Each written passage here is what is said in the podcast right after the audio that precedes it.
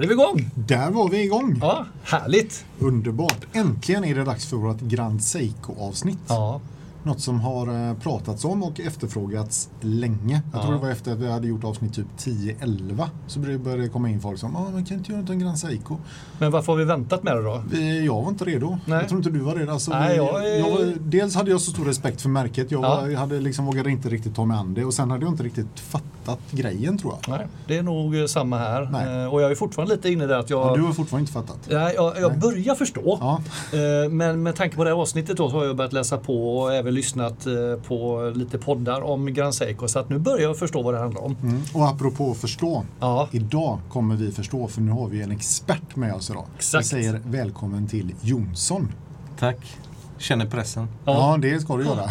Det är därför du är här. Ja, men vi har varit väldigt överens om att vi ska inte sätta dig på någon pottkant idag. Det är, det är inte det här det handlar om. Det är liksom Nej. inte det. Utan vi vill ha din expertis. Ja, men det blir skitbra. Kör vi på japanska också då? Ja, Eh, ja, du, jag har ju du har ju lite snyggt snitsigt namn, eller uttal på de flesta namn och så här. Så det får du gärna fortsätta med. När jag hörde det i ert avsnitt så brukar du svänga till dem lite grann sådär. Så det får du gärna. Okej. Jag tror jag kör mer svensk-japanska. Men du, in- innan vi bara går in, jag måste, Ja. jag måste få pudla. Eh, I förra avsnittet så gjorde jag en sån grym research som alla minns. Eh, och då skulle jag ju liksom prata om tio olika klockmärken i Amerika och USA. Mm. Eh, någonstans under researchen och eh, så, så letades in ett litet, litet faktafel. Mm. Minimalt. Ett minimal. Ja. Nu kom det ju liksom inte med i avsnittet. eh, Efter att du hade klippt om det. efter jag klippt om det. Nej. Men jag måste ändå, liksom, jag, jag måste ändå säga liksom att jag råkade få med Gema och det kom inte med. Men varför det var så? Ja, Jag, eller vänta, ska vi pausa redan där och så tar vi det en gång till? Vilket märke var det du fick med? ja just det, förlåt. Nej, det var inte, ja, precis. Baltic. Ja, Baltic var det, precis. Ja, det, det, helt, det får vara fel ibland, det gör det inte. Men varför det blev fel, det var för att jag använde den här enormt eh, eh, nyskapande AI-funktionen ChatGPT.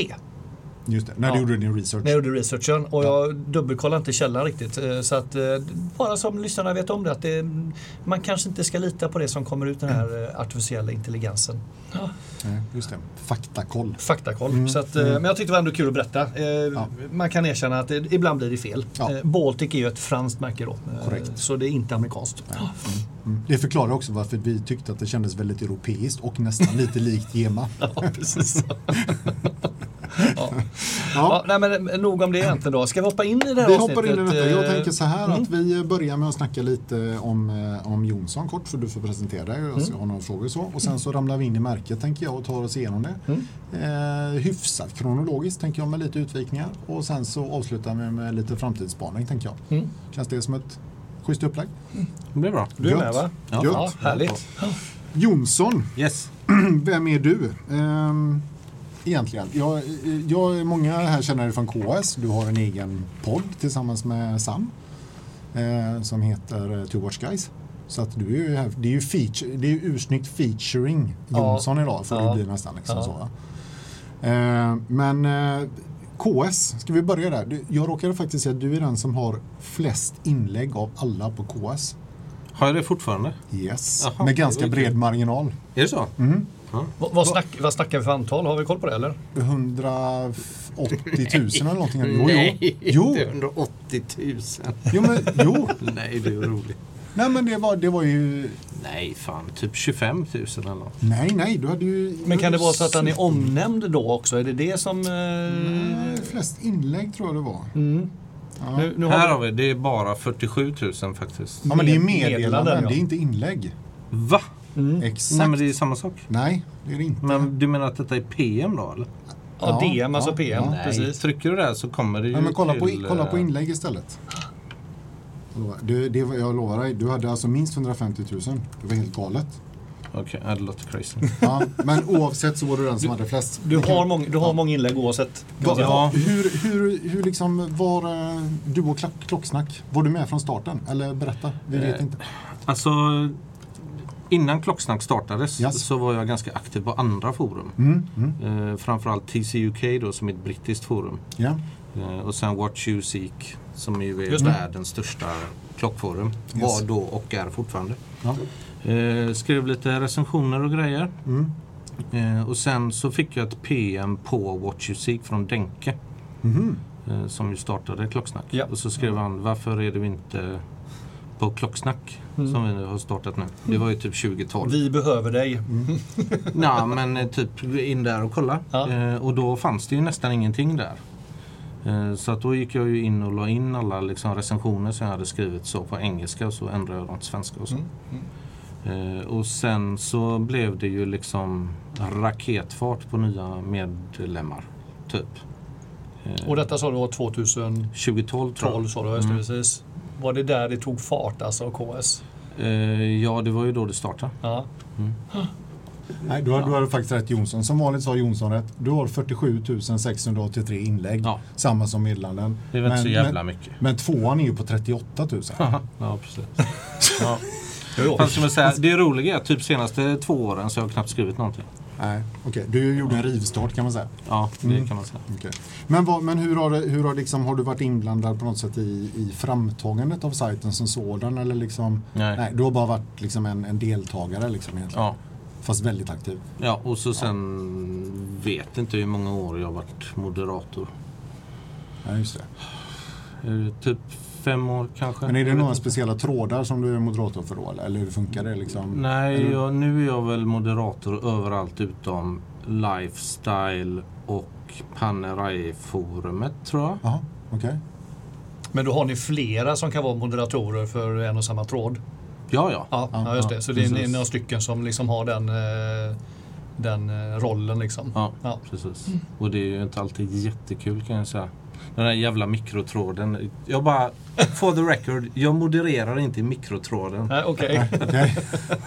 Men vad gör, vad gör man som moderator då? Det så är uppdraget? Eh, se till att tonen är bra liksom? Eller vad, Ja, typ. Och att man följer de spelreglerna som, vi, som KS har? Ja, Ja. och det oftast är det ju inga problem. Nej. Nej. Men och alltså första åren jag var moderator så behövde man ju inte moderera någonting. Nej. Men nu är det ju lite mer så här folk lägger eh, annonser i trådarna typ. Ja, just det. Mm. det, är Men det. är, ju, det är ju inte så att man sitter hemma och bara Herregud! Nej sluta! Jag kan inte äta middag nu. Det är någon som lägger ut en annons i en tråd. Och folk tror ju liksom att man sitter och liksom, man gör ju ingenting annat än klocksnack. Man har ju inget annat liv liksom. Så jag fick så här sms bara Varför svarar du inte? Jag bara, vadå? ja, på vadå? Ja men kolla här, in och läs tråden och så är det någon som säger Varför raderas mitt inlägg? Typ. Ja, Så och- svarar jag så här, jag, jag köper sushi. ja, just det. Låt mig vara. Jag har ett liv. Ja, han bara, men du kan väl gå in och läsa i alla fall? Jag bara, ja, ja. Så Mm. Inte det just sen, nu bara.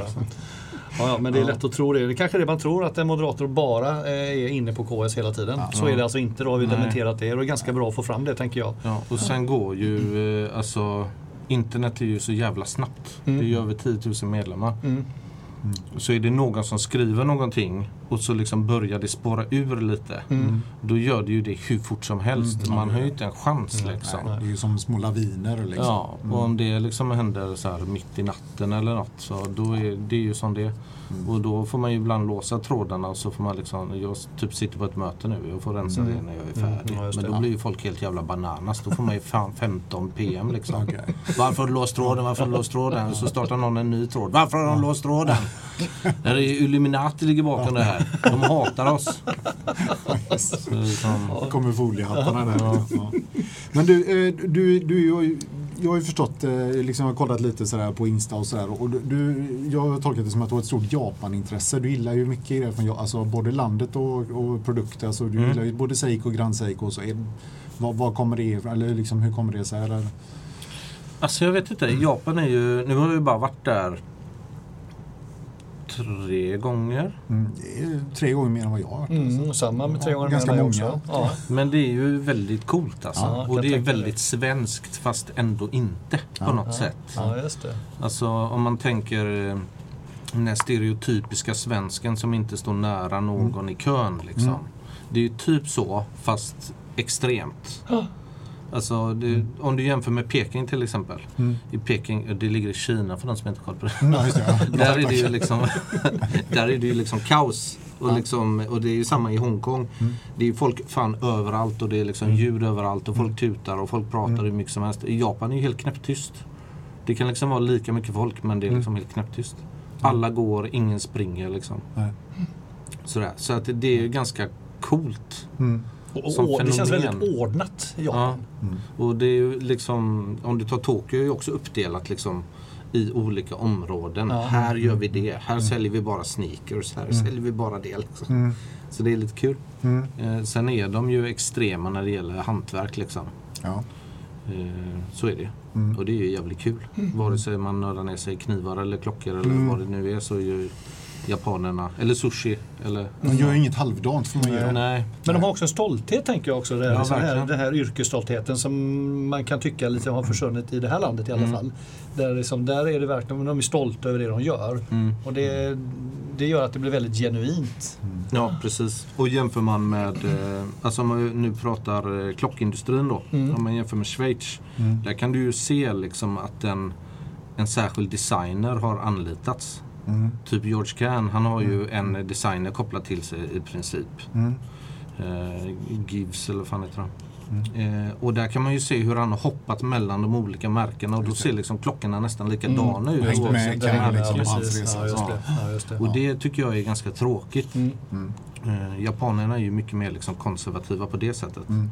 Sen har de ju hamnat i någon typ av loop nu när de släpper så här tio, mod- eller tio versioner av samma klocka. Mm. Mm. Och det tycker jag är skittråkigt. Mm. Ja. Ja. Men de är ju ändå liksom på något sätt sanna sin filosofi. Mm. Så. Just det. Men du, eh, och, och du har ju till och med varit, du har ju varit och intervjuat ledningen både på GS och även Seiko eller? Ja, det var ju samma folk då. Eh, Jag var ju där 26, eller 2017 och det var ju 2017 man splittade Grand Seiko. Okej. Seiko. Och då var du där och snackade med, liksom, Mm. med de där? Okej. Det var cool kan man säga. Ja, det kan jag tänka mig. Men var det svårt att få tillträde till det här? Liksom, eh, var, Eller eller var det... Ja, man blir ju inbjuden liksom. Ja. Men hur blev du inbjuden då? Ja, via generalagenten. Ja, just det. Opturen. Ja, Okej. Ja, okej. Så via dem så ordnade de att du blev inbjuden? Ja, Ja. ja precis. Och det var ju, typ, jag tror det var tio dagar eller något sånt där. Och då är ju delar av ledningen är ju med hela tiden. Så typ Mm. de som leder marknadsföringen, de är ju med på hela resan. Ja, Mm. okej. Eh, Och sen när man besöker en fabrik så träffar man ju de som liksom driver fabriken. Mm. eh, Och käkar middag med dem och liksom Mm. sådär. Och när det är Prospex då är det ju liksom en ingenjör som har liksom jobbat med bara Prospex i så här 30 år. Mm. Mm. Mm. När man pratar urverk då är det ju de som har utvecklat urverket Ja. som Ja. är med där. Men, det, är verkligen, ja, men det här med stolta, de är verkligen Ja. stolta. Ja. Titta vad vi kan. Mm. Ja. Men samtidigt är det ju lite tragiskt då när de skickar folk som inte har någon koll överhuvudtaget. Liksom. Ja, Alltså, på om man- en sån resa menar Ja. du? Ja, ja, ja, det Alltså om man ska vara lite krass. Ja, Ja, Ja, det är ja, ju helt ja. crazy. ja, just det. Och det var ju väldigt mycket amerikaner som liksom bara tyckte att det var så här, ja ja. Ja, typ what is GS? Ja, no typ idea. så. Liksom. Ja, ja. Och det är en kompis till mig, vi är jättebra kompisar nu så kan jag säga detta plus att han inte kan svenska då. Ja, okej. Men han har en jättestor, eh, en eh, superstor tidning eh, som han driver i Nederländerna. Eh, och han tyckte ju liksom från början så här bara, vad fan Grand Seiko är ju helt liksom det är ju helt meningslöst. Du har ju min Rolex. Rolex är det bästa som finns. Liksom. Ja, ja. Ja. Mm. Så när vi var och besökte en av de här fabrikerna så fick vi ett sånt där mikroskop. Eh, och så skulle vi kolla på urverksdelar. Mm. Så sa men eh, lägg din eh, Rolex där och så kolla på den istället. Mm. Och så, alltså på tavlan och Mm. Ja, och sådär. så kollade han den. Mm. Och så sa ah, okej, och så nu provar du min GS då. Mm. Och så gav jag den till honom och så kollade han där. Mm. Och så, bara, så blev han tyst typ. Det var så alltså? Ja, ja. Det, alltså, men det är ju löjligt. Det är, om man kollar i makro så är ju en Rolex ser ju ut som en Seiko 5 typ i makro. Det, ja, det, det, då ska man inte göra det man råd på sina Rolex-klockor. Nej, Nej. men då, börj, då fattade han liksom grejen. Okej, så här, just det. aha. Det här är något liksom. Mm. Men, men det, det leder mig in på, på en- jag tänkte just för, om du bara ska sammanfatta kort, vad, vad är liksom grejen med GS? Du gillar ju Seiko också, men Mm. du gillar ju GS verkligen liksom. Vad, Mm. vad, vad skulle du säga är för de som inte har fattat liksom? Vad, vad är det de behöver förstå liksom? Kortfattat. Nej men för mig är det ju design och finish liksom. Mm. Eh, och finishen under tavlan, alltså, eller under tavlan, under glaset. Mm. Ja. Alltså visare och tavla, det är ju typ ingen som gör det lika bra som Grand Seiko. Nej. Skulle du säga att, att de, är, de är bättre än AP och liksom eh, Nja, skiten typ eller? inte bättre än AP men det är ju Nej. typ AP-nivå. Ja, Men även på deras billigare klockor ja, är det ju det. ja. Du får ju inte en ny AP för liksom 30 000 spänn. Nej, svårligen. Så, men de är ju där uppe liksom. Ja. Och sen, ja, men, alltså, det är klart att det finns märken som, andra märken som gör skitbra grejer. Men Jo, jo. inte i den prisklassen. Nej. Liksom. Nej. Men om, om man nu ska bara utmana det lite grann då. Om det, är, om det, om det krävs ett, eh, ett mikroskop eller förstoringsglas för att Mm. se skillnaden. Vad är det som gör att det spelar det någon roll då egentligen? Nej, det beror ju på för vem. Mm. För mig spelar tänker det ju roll. Uppenbarligen, precis. Och det är, alltså, om jag ser din klocka till exempel, då är en blåa... Ja, precis, blå, blånerade visare på min Longines idag. Ja, och då undrar man ju, är de riktigt bronerade? Ja, det är en bra fråga. Eller målade. Eller är de bara målade? Ja. Panerai exempelvis, de blonerar ju inte de flesta blåa visare utan de målar De ju målar dem. precis. Ja, Och just det, vet man inte om det så vet man inte om det. och då spelar men- det ingen roll om man Nej. inte vet. Nej. Men jag gillar liksom att Mm. nörda ner mig i sådana detaljer. Mm, ja. Och det är ju en sån grej som gör det jävligt kul åka på en sån resa. Mm. Då får man ju liksom se den snubben som Sitter. individuellt bara blonerar sekundvisare hela jävla dagen. Ja, Liksom. och gör det jävligt bra. Ja. Ja, Ja, det är helt ja det är häftigt alltså. Ja. Riktigt häftigt. Så det är ju, alltså för mig är ju GS är ju ett märke där man kan nörda ner sig Mm. Ja. rejält. Liksom. Och det gillar du? Det gillar jag. Ja, Mm. bra. Ja, men, då är det ju din typ av märke. Ja, Så man kan sammanfatta det. så. Ja. Du, hur många GS eh, har du ägt eller äger du? Eh, idag äger du bara en. Ja. Och den har du på armen. Mm. Nämligen? Eh, SBGJ 003. Just det. Och jag sa just det innan vi satte igång avsnittet, varför har de så tråkiga namn? Alltså det alla dessa sifferkombinationer, det är så svårt. Jag skulle haft lite mer liksom något, något mer Typ tilltals... Explorer. Explorer eller något annat sånt. Men det är det för att de är japaner tänker Ja, jag. kanske. Ja, precis. Men de har ju börjat med det. Lite så. Evolution 9 tänker du nu som Ja, den eh, linjen då de Precis, har. Ja, just och lite smeknamn och grejer har Ja. de ju adapterat. Ja, de var okej. Bra, då börjar jag gilla det. Mm. Från, ja, men från början så var, ju, eh, var det ju bara referensnummer. Ja. Eh, men man får också tänka på att liksom 2010 så fanns det liksom, de hade liksom ingen riktig broschyr ens. Nej, Okej. Alltså de har legat så sjukt långt efter i marknadsföring. Ja. 2010 då var det ju Molles foton. Det var ju det enda man kunde se. Jaha. Alltså om du googlade på en referens så kunde du se en sån här eh, renderad bild rakt framifrån. Ja. För det var det som de lanserade då. Och så kunde du hitta Molles eh, blogg, Molle Watch. Och han hade tagit riktiga foton. Okej. Det var liksom Det de var det enda- som fanns på Ja, det nätet, var det enda liksom. som fanns. Herregud. Så Ja. att de ligger ju sjukt långt efter när det gäller marknadsföring och de gör det fortfarande. Mm. De har, har liksom inte fattat grejen. Nej. Så det här med smeknamn och så, det kommer ju från fansen från början. Ja, just det. Ja, just det. Och Just för att det är säkert det är så att det är, det är svårt att komma ihåg dessa sifferkombinationer. Ja, Tycker i alla fall jag. precis. Och framförallt vad gäller eh, från Seiko då. Mm. Monster och Shogun och Sumo och liksom där. Det det. kommer ju Ja, just det, liksom kommer från därifrån. fansen. Ja. Men, så nu har de ju några så här, som alla vet vad det är om du säger namnet. Typ Snowflake, Ja. Mm. Mm. eh, Mount Iwate är ju den här tavlan fast den är ju mörk då.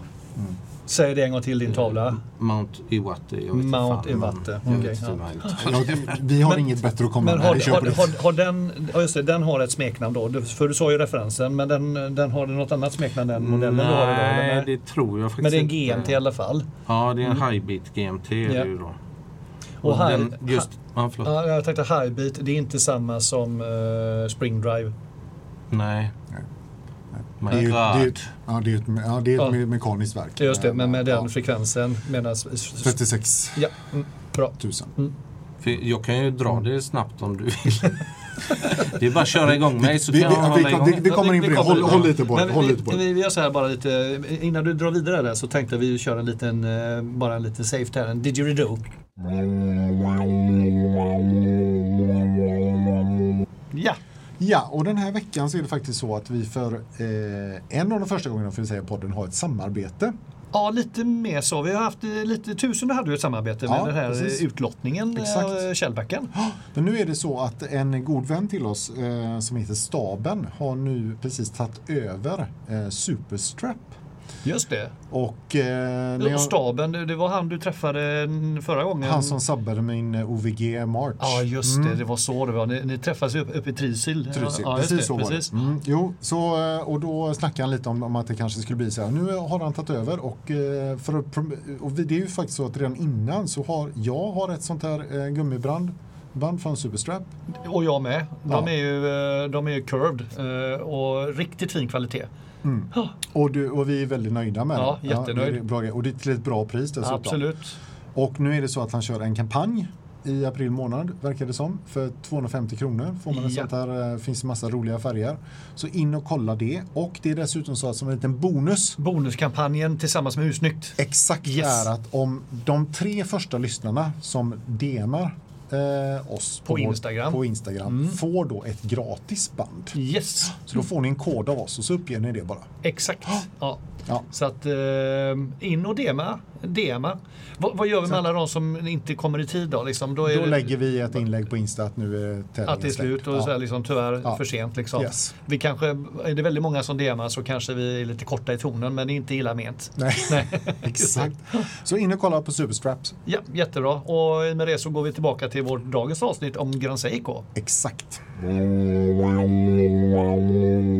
Jag kan ju passa på att säga att denna har jag ju köpt i fabriken. I fabrikens shop.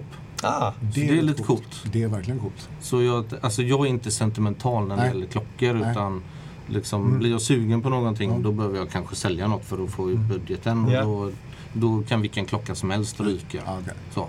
Men denna går ju bara att köpa där då. Och de säljer ju Jaha. inte sådana längre. Nej, Och det är så att den har en lite keeper då. specialrotor och så.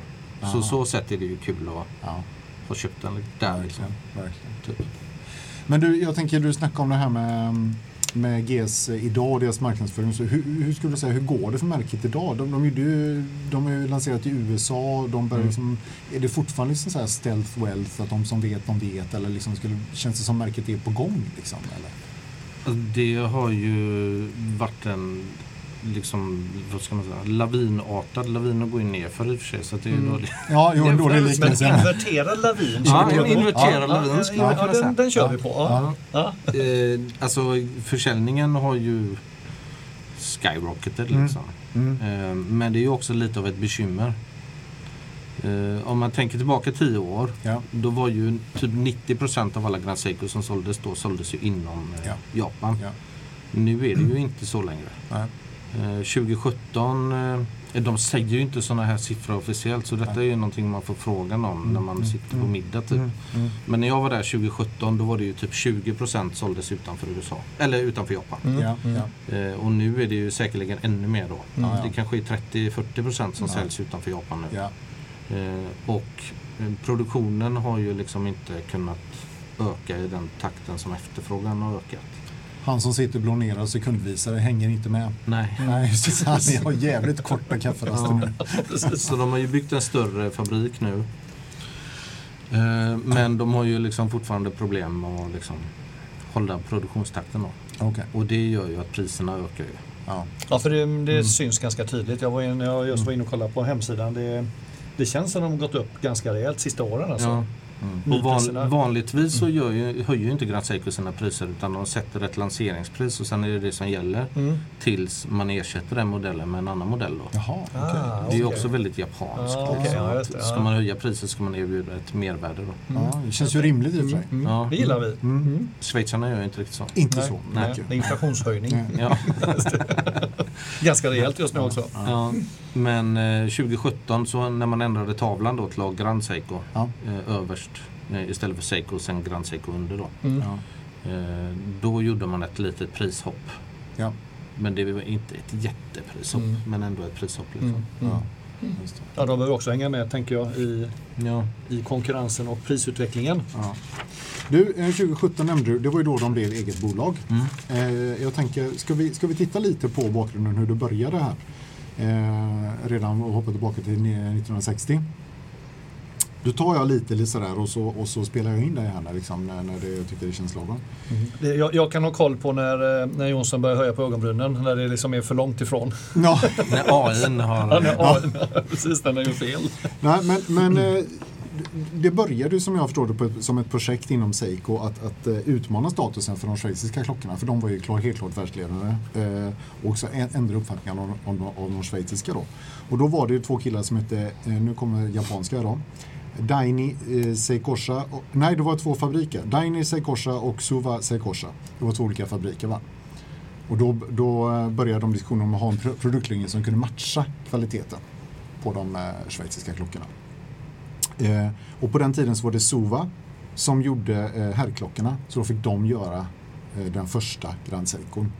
Så har jag fattat det som. Eller, Hänger du, är du med mig så långt? Ja, jag med. Ja, det är Mm, bra. skönt. Mm, det är bra. Ett rätt har vi. Mm, Jag bara sitter där och väntar på att det kommer något. Daine betyder ju två. Eller Okej. andra.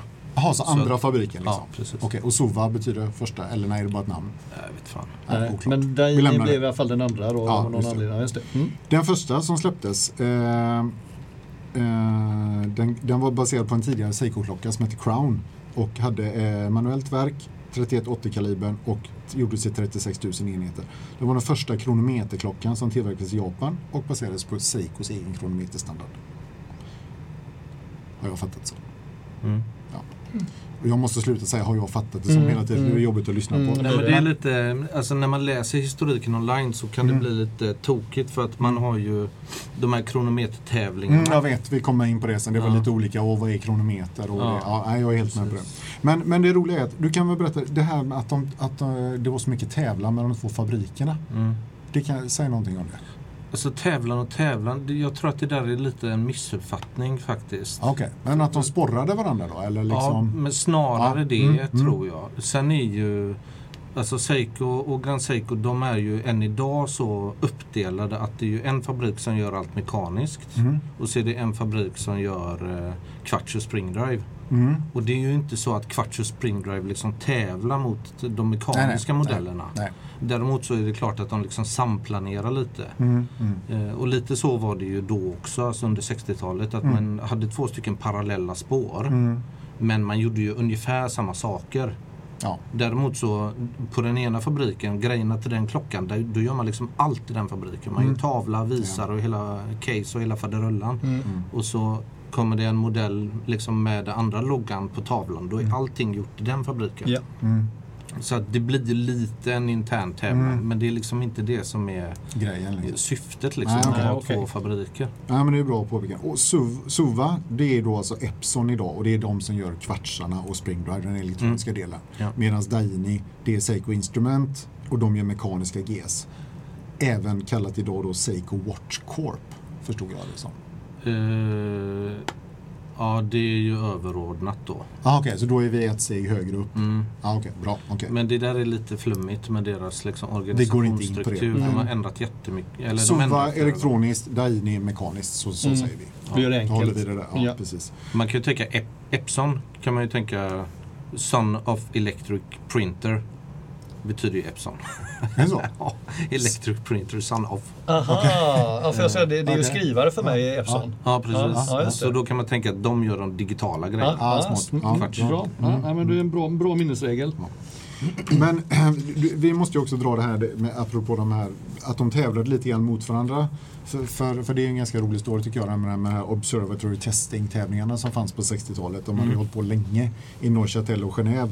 Där man korade då i olika klasser. eh, olika sådär då. Och då började ju GS att hoppa in där, Mm. eh, 64 och då kom de på 144 plats. Det var de måttligt nöjda med när de åkte hem till Japan tror jag. Ja. Mm. Ja, men sen året, eh, två år efter, 66, då skickade de in 32 verk.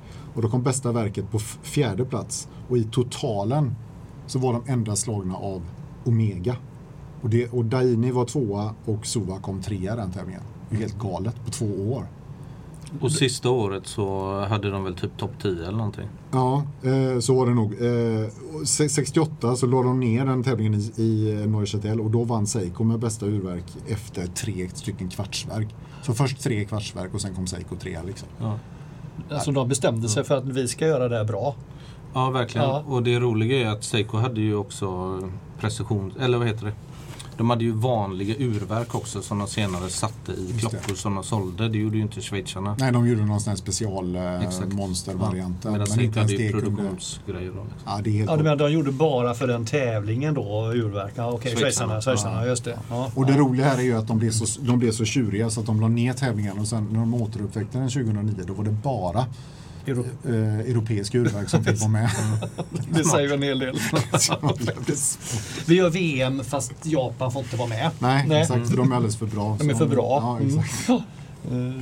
Ja, ja, du, nämnde det i din, eh, i ditt poddavsnitt just med, med konkurrens också. Att konkurrens är ju någonting som de inte ser som av ondo utan tvärtom av godo. Mm. För att det hjälper ju till att sporra och spetsa till kvaliteten på det man själv har. Mm. Eh, Jag vet inte om du kommer in på den butiken? Mm, mm, ja, vi kommer du dit kommer lite längre fram. Just. Mm.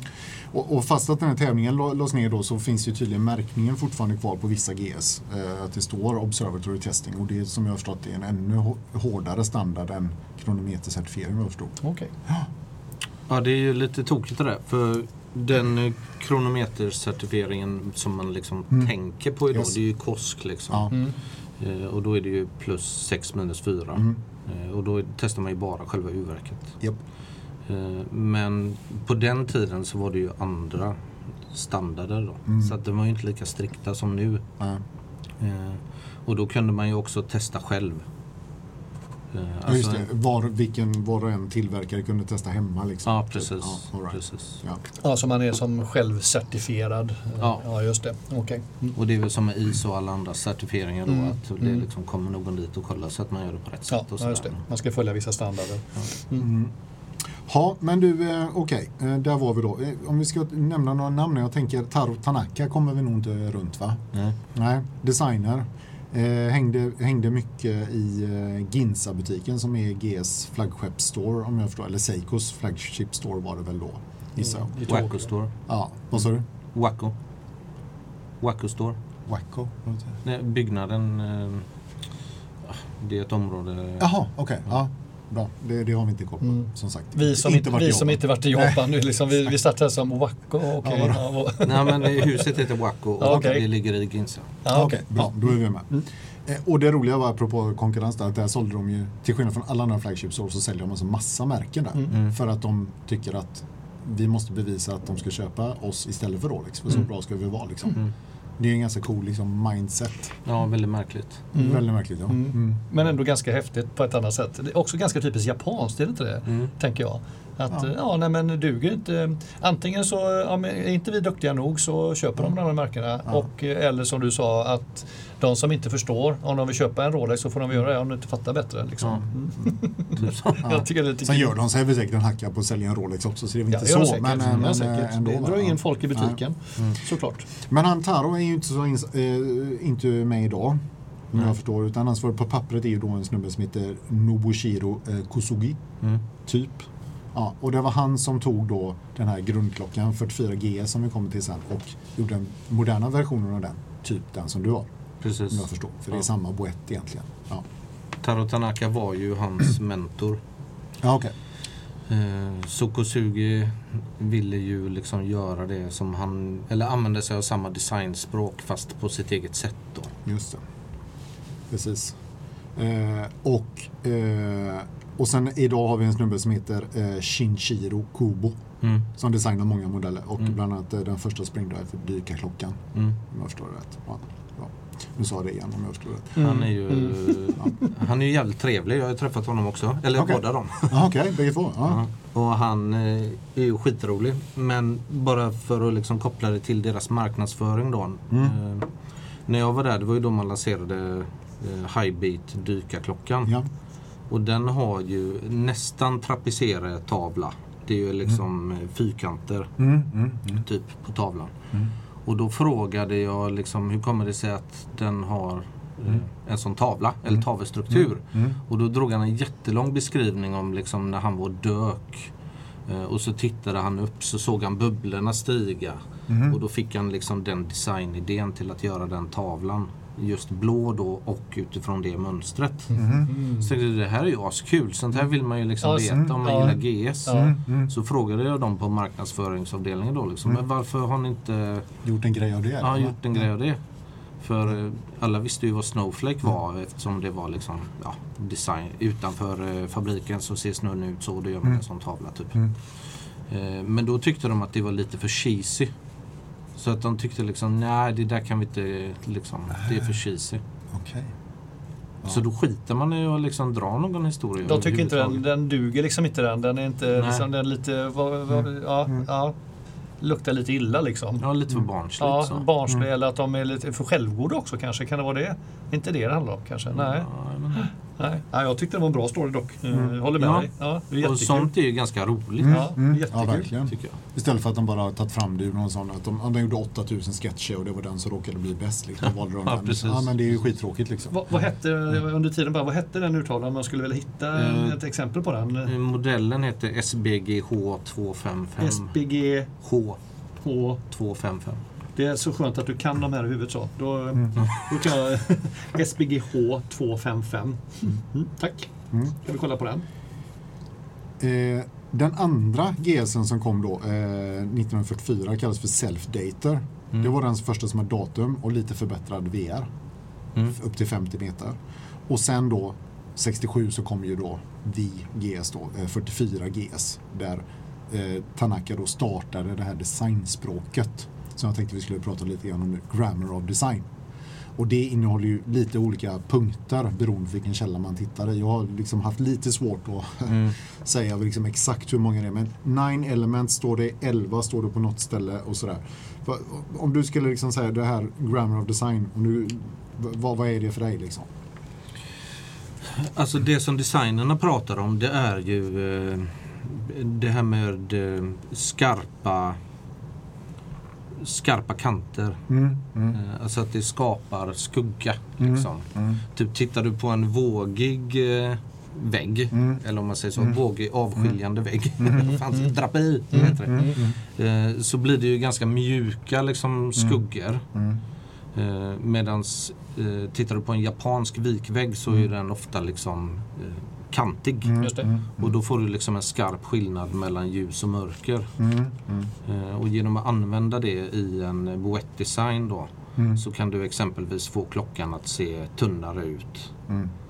Eh, och det är ju liksom det huvudkaraktäristiska kan man väl säga. Och sen så blandar de ju borstat med polerat också. Just det. För en borstad yta ger ju en eh, mjuk och matt liksom, eh, reflektion. Medan är det blankt så blir det liksom en skarp reflektion. Det speglar på ett Mm. mycket vassare sätt. Ja. Mm, Sen går ju, detta går ju ner i absurdum. Eh, så har du en eh, Fan nu ska vi se så jag säger rätt. Då har du en matt tavla som karaktäriseras som Mm. matt. det. Den måste inte vara matt liksom uttryckligen utan det kan vara så att strukturen gör att den upplevs matt Mm. Okej. fast den är blanklackad. Mm, Om man säger så. Ja, det. Ja. Då har du eh, alltid borstade visare och blanka sidor. Ja. Medan har du en blank tavla så har du tvärtom då. Då har du, som du kollar på din GS Ja. som du har på dig, den har ju blanka visare, eller hur? Ja. Blank tavla. Ja. Ja. Och det är ju samma med indexen då. Då har du liksom eh, index som upplevs eh, som skarpa. Så att de är liksom platta och så. Ja. Medan kollar du på min klocka så är den räfflade index. Just det. Som gör att ljuset liksom blir mjukare då. Mm. Så att det det, Grammar of design är liksom svårt att förklara. ja, jag förstår. Men det, ja, Men men, det fin- de har ju många olika regler som liksom Mm. inte står på Houdinkis hemsida utan nej. som man liksom upptäcker under tiden liksom när man ser likheter mellan olika modeller. Ja. Nej, men det är precis. Och det är, man behöver inte gå igenom dem. Men det där tycker jag är roligt. Och så sen just det här att vinkeln på glasringen till exempel ofta matchar vinkeln på boetten. Ja, precis. Att den liksom plockar upp varandra. Eh, vad hade vi mer? Eh, att, att de har eh, att de lägger den GS-loggon oftast lite upphöjd så att den ser ut att sväva lite liksom. Mm. Och det, ja, nej, men det, de har ju mycket sån här eh, men- själva den här po- poleringen tänker jag, den, den återkommer. Den finns ju med i alla såna här, vilken källa man än tittar nästan så är Mm. den en viktig del då. Jag tänkte vad vi ska nämna någonting. Saratsu, eh, Saratsu-polering kallar ju en del det. Mm. Eh, Grand Seiko kallar nog det själva. Salats kallas det om, om det är Cas- Casio som gör det till exempel. Salats som jag förstod det är ju namnet på den här tyska polermaskinerna som de köpte på 50-talet. Eller Mm. vad. Och sen när japanerna skulle uttala det så blev det Sarats. eh, Typ. Ja. Så, ja, så har jag fattat det som. Det verkar vara lite... är, det, är det din uppfattning också eller? Det kanske är en eh, efterkonstruktion, jag vet inte. Okej. Men historiken om den tyska liksom, lapping-maskinen, Ja. den stämmer ju. Ja, den är ju med. Ja, det. precis. Ja. Och det, är ju, det låter ju sjukt avancerat men det är ju en svarv Mm. med väldigt bra toleranser.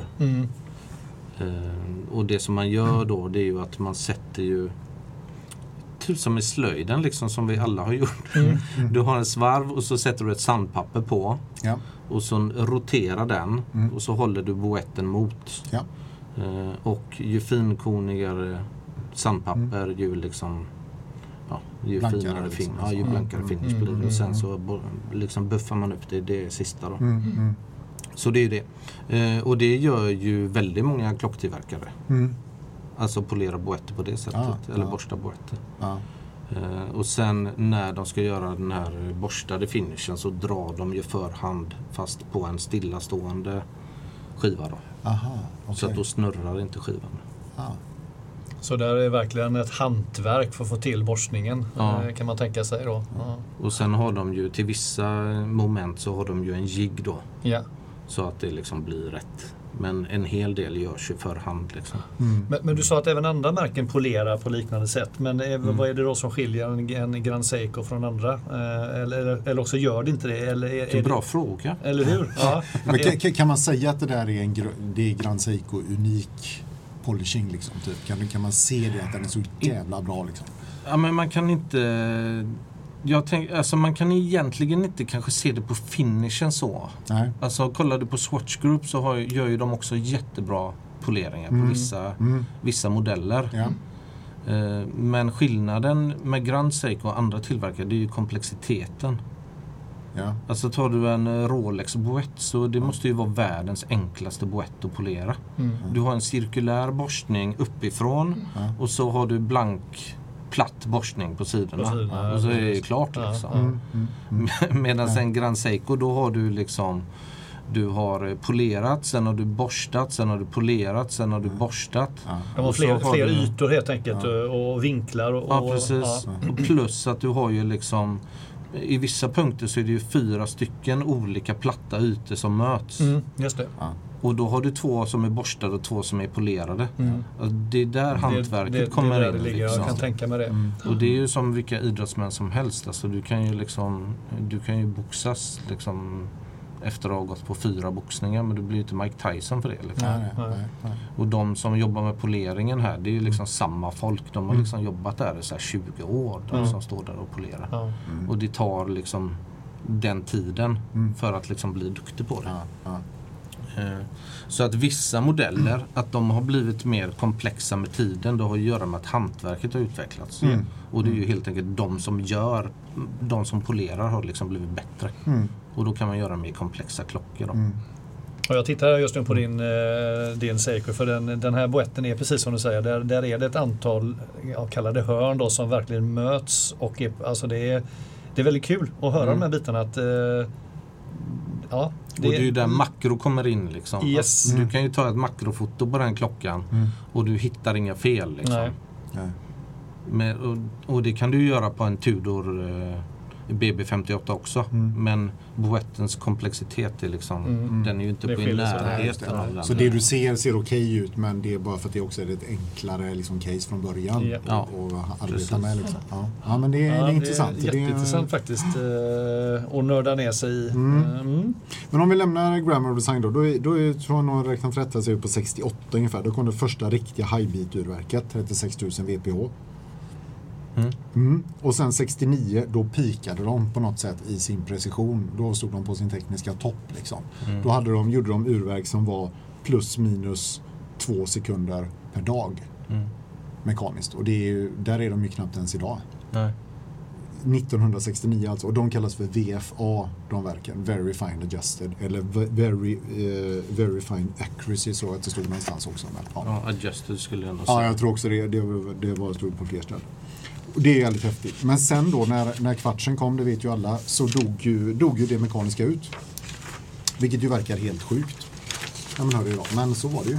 Ja. Då, Och det var ju ett medvetet val liksom. mm, Och där kommer ju det japanska in igen, det logiska.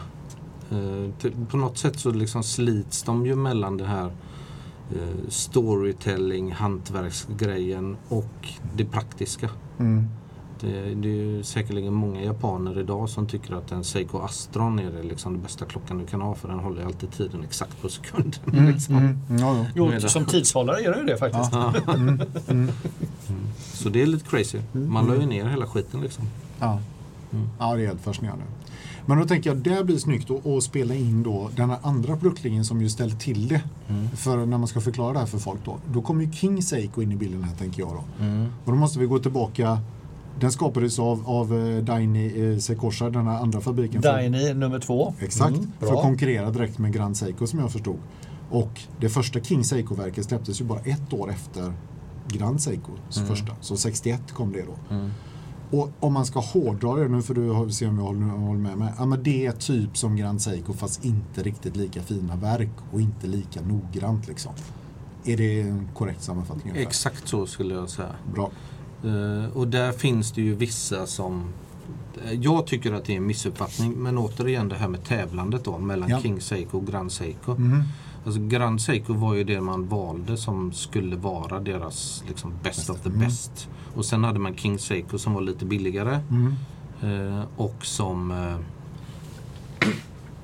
mm, eh, Ja, som var lite billigare och gick inte i- höll tiden lika bra helt enkelt. Eh, och det är ju också en klassiker liksom hur de har valt att lägga upp sina linjer. Så gör de ju än idag. Ja. De har ju liksom Seiko 5 och så har de Prospex och så har de LX. Och så tänker de att alla ska fatta att en LX är bättre än en Prospex och en Prospex är bättre än en Seiko 5. Mm.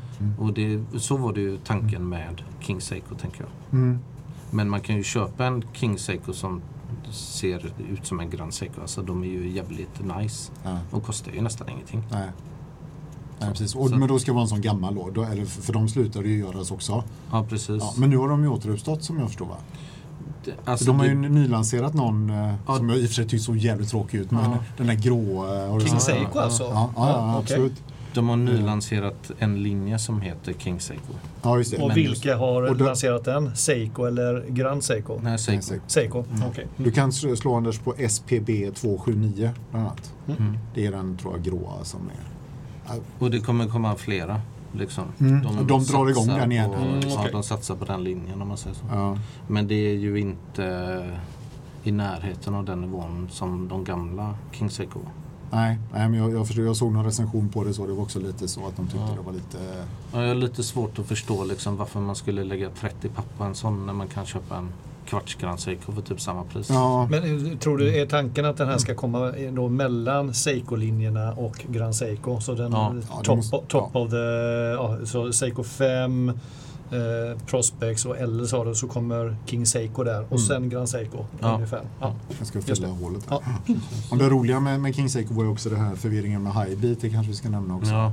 Att de lanserade high-verk som de som kallade för Highbeat. Ja. Men det var inte riktigt Highbeat 36 000 utan det var 28 mm. För att tidigare så hade de inte haft det utan då hade de haft lägre. Mm. det 21 och 4 eller vad jag, kommer inte ihåg vad det exakt. Någonstans. Var det King Seiko som hade det? King Seiko, Ja, så att det. står det, Det- Highbeat på en sån då kan man ju lätt tro att åh, Det är jag har 36. 36 000. Nej, det är inte. har 28. Utan det ett 28 rakt. Mm, okej. Så det är helt ordinärt. Liksom. Det, alltså det, det är ju så, man måste nästan gå en utbildning för att kunna få köpa en, en Seiko i den övre kategorin så att man vet vad man köper. Ja men så Ja, är det ju. ja. Ja, det är Eller- därför vi hjälper till att utbilda. absolut, Mm, absolut. Det är det ansvaret vi tar på oss. Det är grymt. Ja, i alla fall då. 75 la de ner den samtidigt som, som de mekaniska eh, Grand Seiko och sen har de återuppstått då. Men då hoppar vi in till, till GS här nu då. Eh, 88 så kommer de tillbaka och då var det med kvartsverket 95 GS som då gick plus minus 10 sekunder per år. Avsevärt bättre än alla andra kvartsverk. Mm. Känns det bekant? Nu såg du jädrigt lurig ut. Ja, verket tror jag hette... Nu är jag... Det är frågan om klockan hette det eller verket, men kvarts 95 GS. Jaha, ja, nej, det, de lanserade en kvarts GS år 1995. Jaha. Så kallar de den för... Eh, Aha, ja, för jag trodde att det var 95 88 som de drog igång igen med. eh, För 93 kom de ju med 9F eh, ja. Så de, jag tror de släppte något 88. Mm. Ja, jag vet inte. Vi, vi lämnar den där i alla Mm. fall. De kom tillbaka med en De- kvartsverk som var väldigt, väldigt bra i alla fall. Ja. Och sen utvecklade de det ytterligare eh, och i flera steg och 1998 då kom mekaniska GS tillbaka igen. Och då med modellen, vilken var det? Det? Eh, det var väl ett helt Eller verket då. olika... Ja, om vi säger verket då, Ja, 9S. 9S. 9S-verket. Ja, 9S. Ja, precis. 9S, 9R just det. är ju Spring Drive. Precis. Och det fortsätter de med än idag och bygga vidare på det verket. som Ja, precis. Ja. precis. Vi tar några andra milstolpar. 2002 kom den första GMT'n. Och då tänker jag, är det, var det en mekanisk GMT då? Mm. Ja, det var det. 2004 kom då Spring Drive. Mm. Och nu ska vi förklara för Anders och andra lyssnare då eh, vad Spring Drive är. Mm, det ska jag väldigt, väldigt, kul, väldigt kul att höra om du Mm. kan förklara det Björn. Nej, men jag kan dra historiken. Ja, det, ja precis. Jag tycker, var- jag tycker förvisso det är ett jävligt coolt verk. Eh, jag gillar det verkligen. Yoshikazu Akahane heter ingenjören som låg bakom detta. 77 så kom han på att han skulle testa om han kan då kombinera det här liksom med, med eh, drömmen om den eviga klockan. Att du blandar en traditionell klocka med fjäderdrivning och så ska du ha exaktheten som du kan få av elektroniska klockor. Då. Och det, höll han, det här höll han alltså på med i då 27 år tills klockan kom. Han började 77 och den lanserades då 2004. Vilket ju är helt sjukt. Så han höll ju alltså på att mäckla med det här även när själva Ja, den gick kanske in under, det, under kvartsparaplyt då, så att han fick ändå hålla på med detta. Trots att det var mekanik eh, inblandat gissar jag då. För, Sannolikt var det så. ja. Kan du Jonsson bara lite snabbt och lätt förklara Spring Drive för oss Ja. dödliga? Eh, om, du, om du tänker bilar Ja, så har du eh, eh, en bil som går på bensin eller diesel. Alltså med för, vanlig förbränningsmotor. Och så har du elbilar. Det är liksom de två stora. Så. Däremot så finns det ju hybridbilar också. Som går till viss del på el men ändå har liksom en, en mekanisk motor. Och där har du Spring Drive då. Gud vad fort det gick. Men om man ska... Mm. Jo, ja, Du, får nästan gräva ner dig lite. Ja, jag känner det. Ja, men på den nivån är det bra liksom. så att Ja. man, man, man får översätta det. Kraftkällan är fortfarande en fjäder. Exakt. Eh, Så det är inga batterier i en Spring Drive, vilket jag Nej. tror folk kan tro. Mm. Eh, Så att eh, den alstrande energikällan är fortfarande en mainspring. Precis. Men vad händer sen? När Men- kraften kommer från fjädern? Ja precis. Ja. Då eh, driver en liten liten del av den kraften driver en IC-krets. Ja, Och där har du också kopplat en kvartskristall till då. ja. Eh, och det eh, skapar med hjälp av två stycken eh, små ja, typ spolar kan man väl säga. Just. En elektromagnetisk broms. ja. Så att istället för i, som i ett mekaniskt verk där du har en tidsreglerande del som slår Ja. fram och tillbaka hela tiden. Ja. Så har du ett hjul som går åt ett håll åtta gånger per sekund. Och där IC-kretsen hjälper till att se till att den bromsas lagom Just mycket. det, Då. Just Just det. det. För skulle inte den hålla emot då skulle det bara... Liksom. Ja, och så Ja, har okej. du ingen energi kvar. Just det. Så att det är alltså en mekanisk klocka som är kvartsreglerad Ja. kan man säga. Ja, och jag tycker det här är så coolt för det, alltså, den, och den sekundvisaren går ju liksom, den går ju seamless, alltså den har ju inget tickande utan den bara... Mm. Fast det gör den säkert om man går in väldigt... Ja, kollar du i slow motion så ser du att den liksom kan bromsa lite och den kan dra iväg det är, lite. okej, det är så alltså. Det är inte helt analo- eller det är inte helt liksom jämnt då. Alltså för en normal människa upplevs det ju som Helt jämnt. Ja, precis. Ja, jag tycker, ja. Och, och det är så skönt att det inte är... Jag tycker, och det här kan jag tycka, jag, är ju liksom, jag har lite... Kvarts kanske inte tycker är jättekul av olika anledningar. Men det här tycker jag det är ändå liksom fortfarande för mig en mekanisk klocka som, som använder ja, en, en strömkrets för att, bara, ja, för att reglera Mm. eh, sekundvisan. Ja, det här kan jag gilla. Ja, jag tycker den är, den är cool. Och anle- alltså att den inte slår fram och tillbaka. Mm. Det gör ju också att urverket är helt tyst. Just det.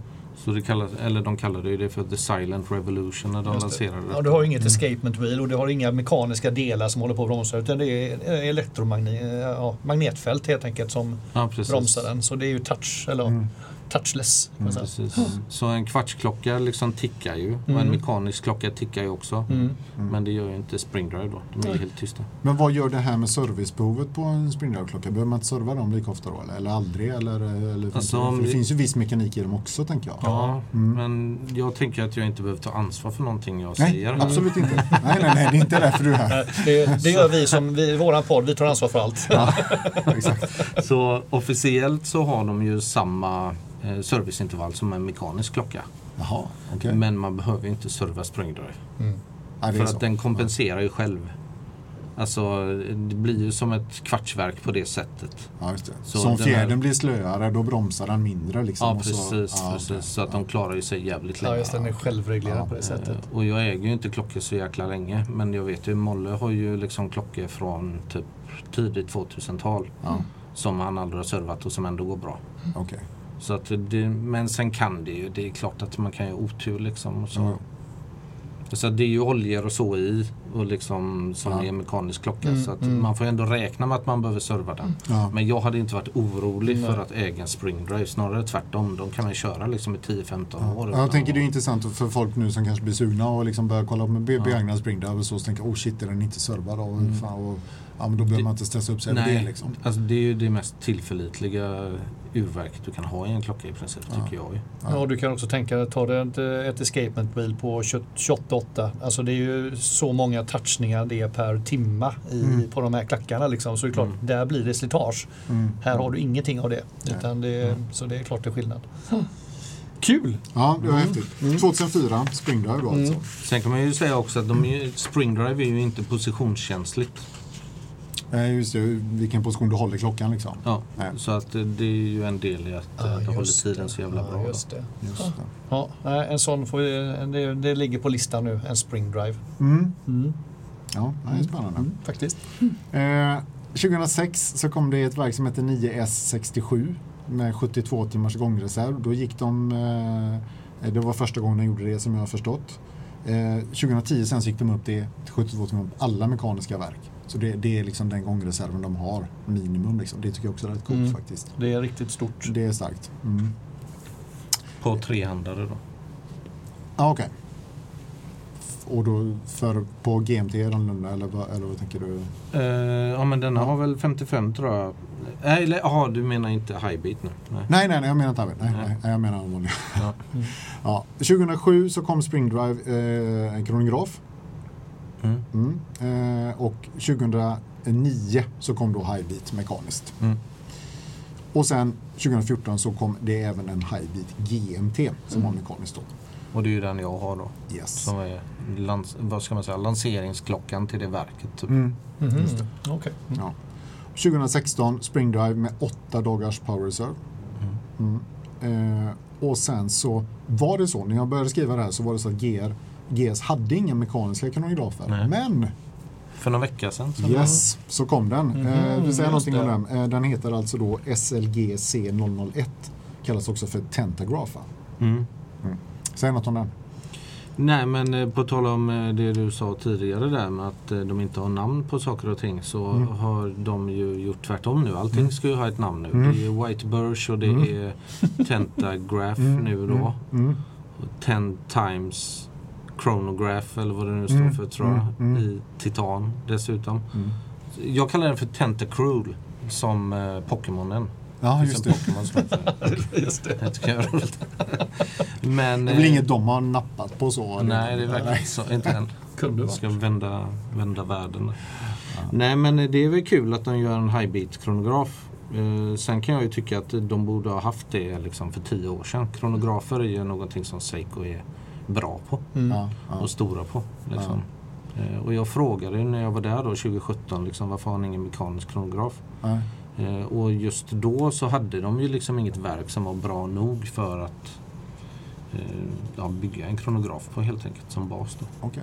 Men är detta ett helt nyutvecklat från scratch, det här verket då? Eller? Nej, jag har faktiskt Ja. inte läst in mig så mycket Nej. men de kommentarerna jag har läst är Mm. att folk är griniga för att det är typ ett piggybackverk. Just det, det var det jag läste jag Ja. någonstans också. Just det. Så att man har Mm. tagit ett eh, 9S någonting då Mm. eh, och så har man satt en kronografmodul på. Okej. Men samtidigt så har den liksom kolonnhjul och Ja, vertikalkoppling och så. Ja. Så att jag tycker det låter lite konstigt. Ja. Men visst, det kanske Hur de har fått in det då i det här verket? Ja, det verkar Ja. lite konstigt. Ja. Ja. Mm. Och spelar det någon roll? Jag vet inte. Nej, det är... Så är det väl med allt sånt där. Ja, precis. Är man precis. inne på den nivån så spelar det kanske roll. Mm. Ja, Mm. exakt.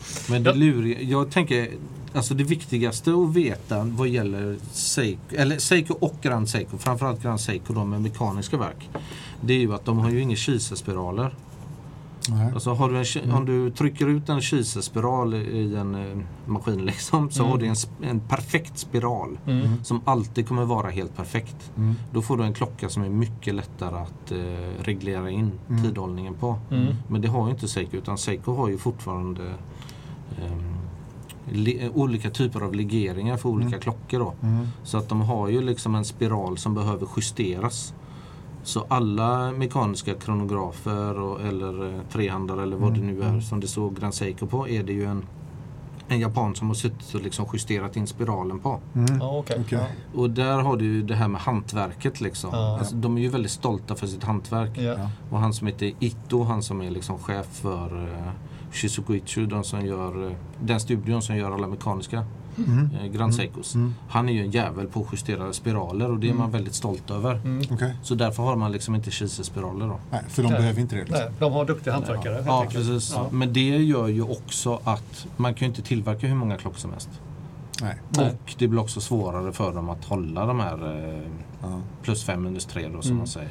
Men har, nej, eftersom de inte har kiselspiraler, har de större problem med magnetism då? Eller? För, för det brukar inte det vara ett Och I sånt... teorin har de ju det. Ja. Mm. Men de har hittat legeringen då som de menar inte ska vara så känsliga för det. Ja precis, Ja. det är ju som eh, Nivarox har ju också någon eh, legering som Ja. är bättre mot magnetism. Det. Liksom. Ja. Men det, jag vet inte. Det, det där med magnetism är ju lite ett känsligt ämne. Vissa är livrädda för det och andra tror inte att det finns liksom. Okej. Okej. Ja, finns gör det nog Ja, någonstans. det gör det. Ja. Men, men som problem med klockor, eh, ja, Ja. nej absolut. Jag tänkte vi ska bara göra så att eh, innan vi går in på nästa lilla avsnitt och Ja. kanske börjar rounda upp där så ska vi göra en liten, eh, liten paus bara så att vi får lite vatten till oss. Mm. Bra, men då ska vi, vi måste bara nämna den här T-nollan. Har du koll på den eller? Nej. Eh, Det, det var ju den här, då har de hittat på någonting som är Constant Force Tourbillon. Ja just det. Ja, Den är- eh, och, och den, den är ju någon som skriver här helt lyriskt då att It's the most ambitious timepiece in Japanese horological history. It's the only fully integrated constant force and tourbillon on the same axis in the world. Eh, och då 2022 så kom det här i, ett, i en riktig klocka som gick att köpa då. Kodo Constant Force Tourbillon SLG T003. Till det facila priset av endast 370 000 euro. mm. Så då vet alla Näst, det. strax under 4 miljoner. Ja, så tar ni fyra millar som ligger och skräpar så Mm. vet ni. Mm. Har du lust att förklara liksom, eh, själva den mekaniska konstruktionen? För jag fattar absolut ingenting när jag läste det. Nej, Nej, det har, kan jag det- inte påstå att jag har lust med. Nej, det är bra. Det, det var nästan skönt att höra faktiskt tycker jag. Fan vad jobbigt det var att de hade dragit en halvtimme om det här nu. Men man kan ju säga att en, en tourbillon är ju... Eh, nu gör jag det i alla fall. Mm. Fast väldigt, väldigt enkelt. Mm. Alltså, Ett gyro va? Ja, Typ. precis. Alltså en klocka har ju olika tidhållning beroende på vilken position den har Yes. för att gravitationen påverkar tidhållningen. Eller påverkar den här fjädern då. Mm, mm. Spiralen, Ja. som man säger Mm. eh, Mm. på Ja. rätt Mm. språk. Eh, så att en tourbillon ska ju motverka det genom att liksom snurra det här Mm. liksom tidreglerande partiet om man säger så. Va? Yes. Och constant force handlar ju om att eh, den här drivfjädern, Mm. att få den att ge så konstant eh, kraft som möjligt. Ja, och hur gör man det då? Ja, då får man liksom återföra energi till systemet så att Aha. det liksom jämnas ut om man Aha. säger så. Okej. Eh, och det här brukar man ju göra ganska enkelt på typ Omega har ju hållit på med det hur länge som helst. Då har man fler än en drivfjäder. Mm, mm. Och så kopplar man ihop dem. Just det. Mm. Så har man en som är lite större, en som är lite mindre kanske. Och Mm. så liksom parallellkopplar man det här. Kompenserar de varandra då. och så kompenserar det. Okej. Medan i en eh, constant force så gör man det på ett annat sätt. Då. Ja, okej. Men jag tänker, det, det här är ju låter som att det här kan man säkert gräva ner sig i. Det Eh, och det finns säkert någon jättebra förklaring någonstans. Eh, Säkert. Men jag bara tyckte det, alltså en klocka för 3,7 miljoner, den Jo. måste bara nämnas liksom. Mm. Ja, Mm. Turbioner brukar vara dyra i och för sig. Jo, Då. Sen, sen, sen det här med constant force, det kan man inte heller liksom, on Nej. the same axis in the Mm, world. du fattar ju liksom. Ja, det är väldigt bra i alla fall. Eh, vi börjar närma oss slutet här. Jag tänkte bara om vi gör lite så här framtidsspaning då. Va, eh, vad tror du kommer hända med GS framöver? Vart är de på väg? Liksom? Vad, liksom, vad, ser du i, i, vid horisonten? Liksom? Alltså tyvärr då Mm. så känns det ju som att de eh, har ju siktat in sig på de här dyra klockorna liksom, som kostar över 100 000. Mm. Mm. Mm. Eh, Och tidigare så sa man ju att man skulle bredda vissa linjer. Mm. Typ som sportlinjen skulle man bredda. Man skulle tillföra fler dykarklockor och sådär. Eh, Och det har man ju typ gjort. Men alltså alla klockor som har lanserats senaste åren har ju varit, eh, kostat över 100 000. Liksom. Mm, mm. Mm. Så att det är väl det de siktar in sig på. Och det är väl för att marknaden liksom... Eh, ja, vad ska man säga? Folk vill ha GS men eh, GS kan inte producera så pass många klockor till Nej. de lägre priserna. Så att då liksom släpper man fler dyra modeller. Mm. Men kan det inte också vara så att de, de tål ett högre pris för att de är så pass fina klockor också? Ja, de har ju Mm. nya verk som är lite mer avancerade, Ja. femdagars och så också. Så att de säljer ju säkerligen. Mm. Det är ju inga konstigheter. Nej, men men- eh, om man gillar Grand Seiko för att Grand Seiko är, är, eller var i alla fall, väldigt prisvärt. Mm. Mm. Så är det ju svårt att se att de nya lanseringarna liksom faller inom den kategorin. Ja, precis. För nu är det något annat liksom. Ja. Och det är intressant att säga det för när jag var inne och kollade nu då på för att se liksom, åh, vad skulle jag vilja ha så hittade jag några modeller som jag säger, men de här, alltså Evolution 9-serien exempelvis tycker jag är Mm. lite cool. Men jag blev lite, häp, sådär, lite häpen att det startar på 70 och uppåt liksom. Mm. Så det var väldigt dyrt, mycket dyrare än jag trodde. Ja. Tyvärr.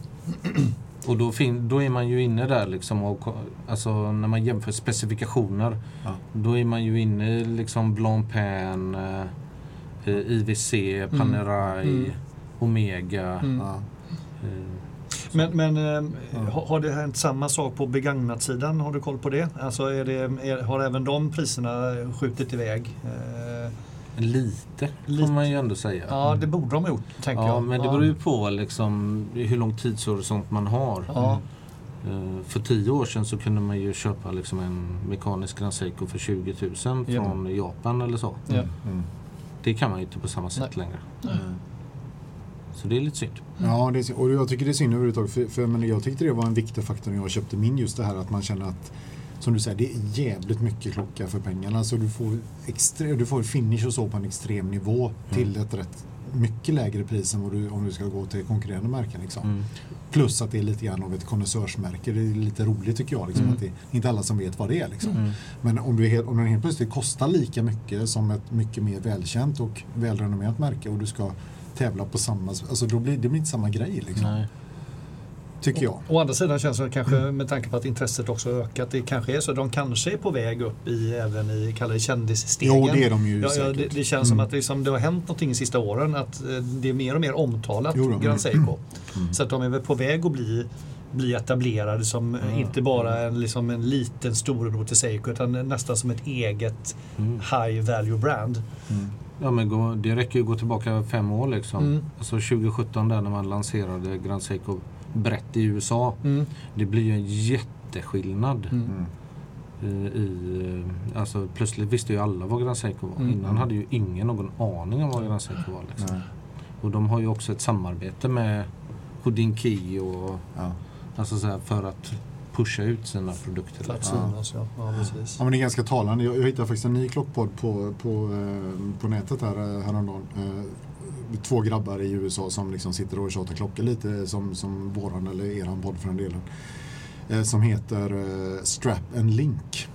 Eh, heter det i alla fall. Och de har gjort, liksom, de har gjort två avsnitt. Första avsnittet så börjar de med att prata om Grand Seiko. Mm. Det tänker jag, det säger ju ändå Mm. någonting. Och de är ju två vanliga tjommar liksom. Mm, mm. Och de tycker att deras första avsnitt, då, ja men Mm. vi kan köra Grand Seiko liksom. Det måste vi avhandla i alla fall för det är jätteviktigt. Ja men man Ja. bara, Mm. okej det hade nog inte heller hänt för fem år sedan liksom. Då hade ju två amerikaner snackat Grand Seiko, det hade varit... Nej. Eller? Nej, jag håller med. Så, så någonting har ju hänt med, med brandet liksom. Ja, nej, men så är det. Att det har stigit i eh, så. Du, var, var det, om man nu är sugen här då, var i Sverige, de säljer inte de här på så många ställen i Sverige. Här i Göteborg säljer de dem på, i Västra Frölunda vet jag. Klockmonster Hansson va? Ja, precis. Ja. Och Magnussons. Ja, Magnussons Mm. också. Mm. Eh, vet du vad, några fler ställen? Stopp. I, Ja, I Sverige menar du? Ja, är det många ställen de säljs på? eh, Jag har fått för mig att det är rätt få nämligen. Men det Ja, men du har ju Klockmäster Globen. Ja, och Eh. är det den i fältöversten också kanske? Eller Ja, precis.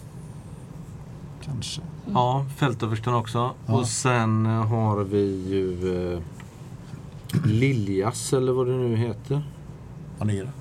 Ja, det ligger på- i någon eh, mindre seriös stad. Okej, typ. Karlstad eller något Okej, sånt. Karlstad tror jag. Ja, ja. Eh, sen har vi ju... Eh, jag vet faktiskt inte om Mårtenssons fortfarande säljer det i Halmstad, men jag tror det. Okej, ja. Hur är det med den här stora som ligger där i Jönköping? Har, har de? Nej, Nej, inte. Nej. Ja, men det är rätt få ställen ändå. Så att, ja det är det. Men eh, det kommer nog att bli ännu färre tror jag. jaha. Om de nu ska göra som alla schweizare. Och, Och gå, liksom, gå flagship liksom? Eller Ja, typ precis. eh, egna stores? Precis, det är ju väldigt mycket som tyder på det. Okej. Eh, det Grand Seiko i Europa kommer ju ta över agenturen från eh, Optura exempelvis. Ja, okej. Vilket ju är jättetråkigt. Eh, Och vad tror du att det kommer innebära då? Möjligen kanske att de får egna butiker då, men Ja, men Ja. jag tror ju att eh, både Grand Seiko och Seiko, eh, framförallt Grand Seiko, mm.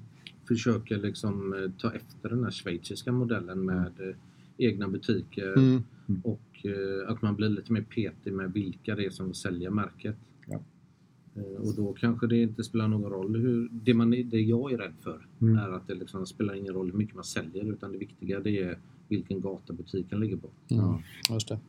Men, men frågan är, men, men tror du att de kan göra, för jag tänker, jag tänker Breitlings problem, eller problem från deras håll som de upplevde var väl att de gick och köpa lite överallt och det blir inte så exklusivt. Man Mm. tänker Grand Seiko är ju redan idag rätt svårt att få tag på. Ja. Frågan är om de liksom verkligen vill bli ännu, alltså, ska de gå från sex försäljningsställen i, Sverige till ett? Det känns ju som de super, Nej, det känns ju inte smart. inte Nej. jätte. Nej, det skulle Men vara tvärtom. det är mycket som inte är smart i den här Ja, jo. branschen. Ja, det är i och för sig sant. Och det, det är ju många märken som har fått för sig att man inte ska ligga i gallerier liksom. Nej, nej, visst. Och det var ju väl typ så Breitling sa. Ja. Och sen så startar man själv en egen butik Mm. i en galleria.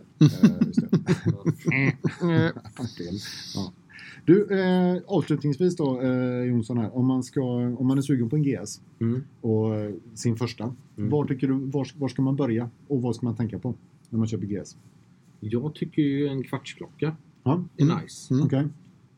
Eh, Med eh, ja, det aktuella verket, då, 9F-verket. Mm. Och då får man ju köpa en som man tycker är snygg. Tycker jag. Ja, ja. Det är, ja, det är och hitta en begagnad Ja. är väl bra. Ja. Ehm, Om man ska ta nästa steg sen då? Är det springdrive då eller ska man, eh, eller ska man gå på de mekaniska? Alltså jag gillar ju kvarts. Ja. Och hade den klockan, eller den Grand Seikon jag har nu, hade den Mm. funnits kvarts så hade jag ju hellre haft den i kvarts. Ja, det är så? Ja, ja. Okej. Fan, det slipper man ju ställa hela tiden. Ja, ja, Ta ja. ju typ en kvart Ja. och ställa en GM. Du är ingen sån bara, åh det är så mysigt att det är mekaniskt och vad Nej. fint och jag. Nej. För, för jag tror att både du och jag Anders har ju liksom lite, vi- har lite svårt att betala så mycket för en kvarts. Alltså jag betalar hellre mer för att det är mekaniskt verk, Mm. samma klocka då, än att det sitter ett kvartsverk i. Mm. Jag har en högre ja. betalningsvilja för det. Mm, det, av det kan helt ologiskt. Ja, det kan det vara. Jag tänker det är mer hantverk, det är någon som har suttit och gnidit på de här liksom, Mm. olika delarna. Och du vet. Ja, fast det är ju Nej. inte det. Nej, men Oftast. jag Om tänker du köper att- en AP då. Nej, exakt. Jag tänker att det är det.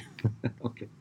Nej, men, men du ser mer till det praktiska liksom. Ja. Skitsamma, den ska gå bra. Jag vill inte hålla på och pilla med den. Liksom. Mm. Och det är väl bra också för de ligger oftast lite lägre pris va? ja, precis. Ja. Och ska man köpa en Grand Seiko för finishen så spelar det ju ingen roll om den Nej. är kvarts. Ja, för det är samma. Det har du rätt i. Mm. Det har du helt rätt i. Så eh, jag hade ju rekommenderat en kvarts. Mm. kvarts här. Mm. Mm. För att liksom komma åt den. Eh, Ja, precis. Ja. Ah, smart faktiskt. Eh, bra. Det, känns det som att vi har missat något tycker du? Massor säkert. Ja, säkert. Ja. Men något av, något av vikt, så att säga, och värde. Nej, jag tror inte det faktiskt. Det, man kan ju prata hur mycket som helst Ja. om Grand Det är så jävla kul också. Mm. Ja. Nej, men jag kan säga från min egna del, jag, jag, har inte, jag har inte sagt så mycket här och det, du har ju gjort researchen Björn och jag kunde inte så mycket men jag kan ju säga att jag har ju blivit klart mer nyfiken på märket. Mm. Eh, dels genom att lyssna på er podd innan men också i det här. Det finns en hel del att eh, fascineras över kan jag tycka. Eh, och kvaliteten på klockorna och delarna och urverken känns ju helt outstanding. Så att det ska bli kul att försöka leta upp några modeller som man skulle kunna vara intresserad av. Men det är ju ett roligt märke. Det är en udda fågel. Liksom. Ja. Det är det jag tycker är lite charmigt. I början Ja. gjorde det att man inte fattade det. Men Mm. när man sätter sig in i det så är det, blir det jävligt charmigt. Alltså. Ja, Ja. Just som du säger, att de är så märkliga japanerna i vissa avseenden. Liksom, att de gör saker på sitt eget sätt och Ja. går lite mot strömmen. Och liksom, ja. Mm. Och det är ju liksom, det är lite charmigt men det är också jävligt irriterande. Ja, jo. Eh, Om man tar Tudor eh, BB58 som exempel så Mm. börjar alla liksom prata om att vi vill ha T-clasp. Ja. Vi Mm. vill ha T-clasp. Mm. Och så går det ett år. Så får vi det. Och sen får alla klockor T-clasp. Mm. Mm, mm. Det- Så kan det vara i Japan också fast helt tvärtom. Mm. Alla pratar om att de vill ha mikrojustering i låset i Mm. tio år Mm. och de gör det ändå inte. Nej, det måste Så komma man- från rätt, Mm. från rätt mun antagligen Mm, i Japan. Mm, jag tror det är så. Mm. Så man måste liksom gilla den här trubbigheten lite. Mm. Mm. Det är lite kärvt liksom. Mm. Inte så... Ska göra lite ont. Ja. Så kör italiensk motorcykel. Liksom. Det ska ta sex månader för att dela till den. Ja, just det. Ja, men det är jättebra. Ja. Nej, men jag, jag tror att vi, vi hoppas att det har blivit ett eh, bra introduktionsavsnitt. Absolut, det tror jag säkert. Hur känner du idag Björn då efter med din, eh, din, ditt Grand Seiko-köp? Har du, har du ändrat inställning till den klockan? Eh, I och med din research och det här idag? Ja, alltså, klockan- jag, jag, hade nog, jag hade ju lite koll redan innan jag köpte den. Sådär. Mm, Men, mm. eh, nej, men jag, jag gillar den bara mer och mer. Alltså, ju mer man får veta om, om Grand Seiko. Och som du säger, den här blonerade visan tänker jag, fan, det har alltså sutt- suttit en tjomme och liksom lagt in den i en jävla ugn och, Mm. och hållit koll på den där. Det är ju Mm. asroligt liksom. Mm. Så, så att sånt där gör att man bara gillar det mer och mer. Mm. Och just det här som du säger, med kontrasten med blankade och polerade index mot... Ja, poleringen på den är, Ja, är liksom- galet snygg. Ja. Eh, Häromdagen satt jag bara och tittade och speglade mig själv i sidan. Här, liksom. Man ser ju verkligen, det är ju som en spegel. Liksom. Ja, Man kan ju se. ja. Så att, nej, jag, jag tycker det är fascinerande. Sen har jag då, jag vet inte om du noterade det, ser, ser du något konstigt med klockan? Eller? Bandet eller? Ja, att det är felvänt. Jaha. Ja. Men det, är tydligen så, jag förstod att de, banden sitter ju på andra hållet på eh, Grand Seikos. Så att du har knäppningen, det ska egentligen sitta åt andra hållet. Så. Ja, det är nu dålig radio här. Mm. Men, eh, jag, Men- jag har, jag har liksom bandet så att flärpen kommer på utsidan av armen. Ja. Det är så det ska vara. Fast det är och så- ja, och så är det på min också. Den är också... Jo, jag vet, men det brukar man ju ha. Men när jag Ja. köpte klockan nämligen så satt det på andra hållet. Och då läste jag på lite och då fick jag det förklarat för mig att nej, men på Grand Seiko så, sit, så ska den här flärpen vara inåt. Om du, enklaste att veta hur man ska sätta det är att Ja. läsa på spännet. Om du, läser på, om du tittar på ditt eget spänne, står Ja. du åt rätt håll då?